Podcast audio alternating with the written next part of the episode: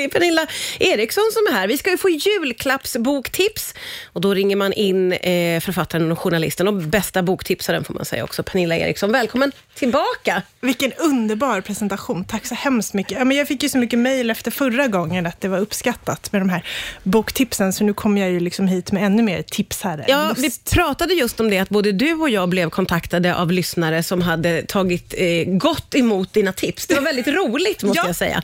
Eh, och eh, Du har ju tre eh, tips med dig här, eh, som man kanske vill inhandla och ge till någon i julklapp. Vad ska vi börja med idag? Jag ska ta och börja med en thriller av den förnämlige Brett Easton Ellis. Men jag måste säga att eh, det började inte klockrent för mig med eh, den här författaren. Jaså, vad hände? att- Det är så här, för många år sedan så var jag på en semesterresa med en kompis och vi delade hotellrum. Och Då så läste hon American Psycho, som Ja. jag då ännu inte hade hunnit läsa. Och eh, varje gång som det närmade sig en obehaglig scen, hon kände att det här var under uppsegling, Mm. då liksom hyste hon över boken till mig och så sa hon, kan du läsa den här? Och, liksom, eh, och avgöra om du tror att jag pallar att läsa den här. Du kan väl säga hur illa det är Oj! från liksom 1 till 10 och sådär. Och har man läst American Psycho, då vet man ju att det är ju liksom en tia varje gång. Ja, ja, ja visst. visst. Han drar på. Han drar på. Så jag satt ju där och fick ju kväll efter kväll de här fruktansvärda scenerna, kastade på mig. Det blev inte en vilsam semester. Nej. Så att jag, jag hade lite motstånd sen. Ja, jag förstår det. Men vilken snäll kompis du är, får man ändå slå fast. Man tar ju en för laget. Ja, tydligt Men i alla fall. Eh, men nu så, så har jag närmat mig den här fantastiska författaren igen och jag ska tipsa om Skärvorna, hans senaste thriller.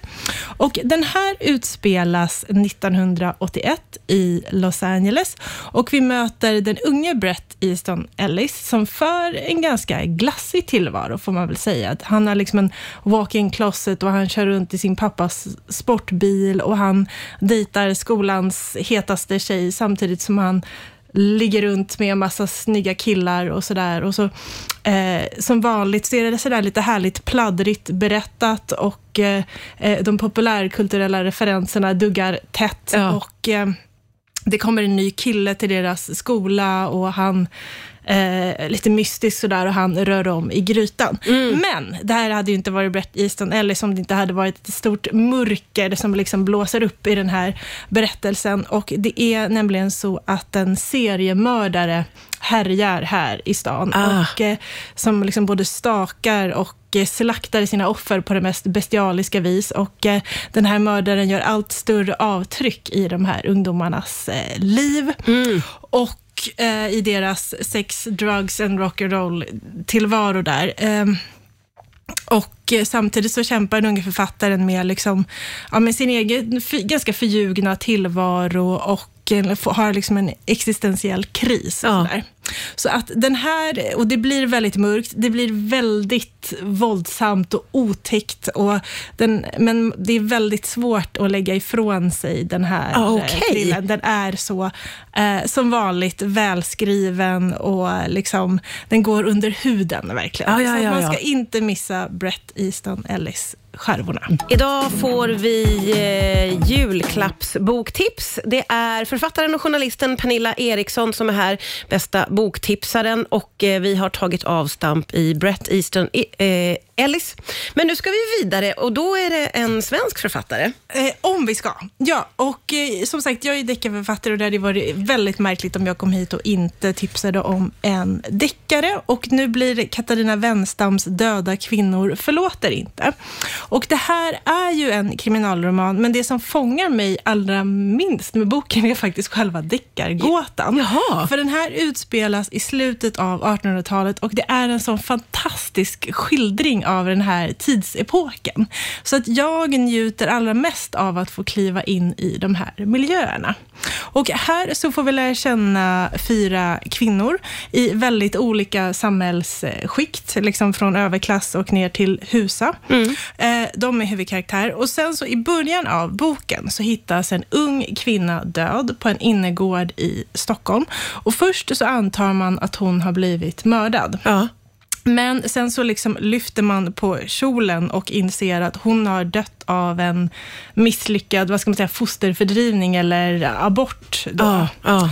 Och de här fyra kvinnorna, de börjar gräva i det här dödsfallet och det visar sig att det finns väldigt mycket mer gömt under ytan där. Och den här boken är framförallt en skildring av hur det var att vara kvinna på den här tiden. Ja, Alltså hur svåra villkoren var och framförallt hur jävligt det var om man liksom blev eh, gravid före äktenskapet. Alltså Det var nästan en dödsdom. Man liksom riskerade helt att halka ur eh, samhället. Ja. Och Det är så himla tydligt att Katarina Wenstam har liksom totalt grottat ner sig i den här eh, tiden med liksom maten och kläderna och hur man förde, och förde sig och pratade. Och, Alltså läsaren får verkligen lukta och smaka på den här, på den här tiden. Det var inte alltid så behagliga lukter. Nej, nej, jag ju- förstår, men det låter ju säga. väldigt häftigt ändå. Ja, alltså det, miljöerna, det är en tidsresa att läsa den här eh, boken. Och i vanliga fall så kan jag störa mig lite på om det är fyra huvudkaraktärer eller fler, för det kan vara lite svårt att hålla isär dem. Mm. Men i den här boken så kompletterar de här kvinnorna varandra så otroligt fint och liksom skildrar det här samhället ur olika synvinklar. Och eh, sen finns det en riktigt, riktigt bra sexscen också. Det måste Jaha. man ju credda Katarina Wenstam för. Jaha. Ja, de är ju, det gillar man ju. Ja, nej, men så att den här... Den har lite av varje den, har här boken. Den här boken, eh, Döda kvinnor förlåter inte, av Katarina Wenstam, den tycker jag inte man ska missa. Nej, det Ge fanns den, många anledningar till det. Det hörde vi tydligt. Ge den till någon du gillar. Det är Pernilla Eriksson som är här och ger oss eh, julklappsboktips. Två jättefina tips har vi fått, men du har ju ännu ett kvar här. Sista tipset för dagen. Ja, eh, och jag ska ta och tipsa om ett riktigt eh, fint stycke fantasy-skräckroman av John Ajvide Lindqvist, nämligen Sommaren 1985. Okej. Och precis som titeln skvallrar så eh, utspelas den här i mitten av 80-talet i, i Stockholms skärgård. Och det är Live Aid-sommaren. Och vi är på Särsö där eh, ett gäng ungdomar träffas varje sommar tillsammans med sina familjer. Det är fyra killar och tre tjejer. Men den här sommaren är någonting annorlunda.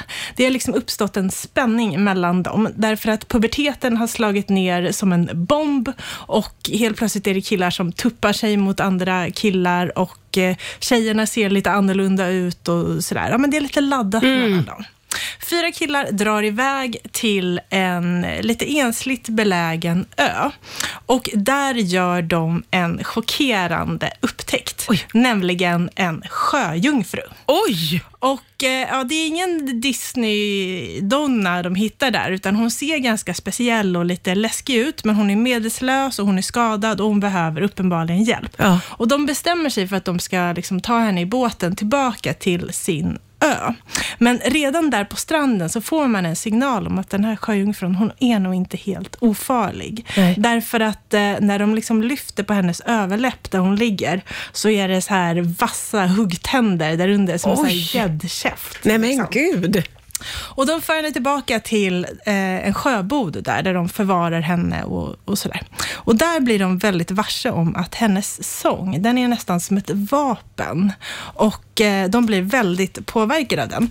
Och John Ajvide Lindqvist, han pratar om ett eh, musikstycke, Ja. Polovtsiska danserna från Först Igor, eh, som han menar låter precis som hur en sjöjungfru sjunger. Jag försöker spela upp lite här. Oj, vad spännande.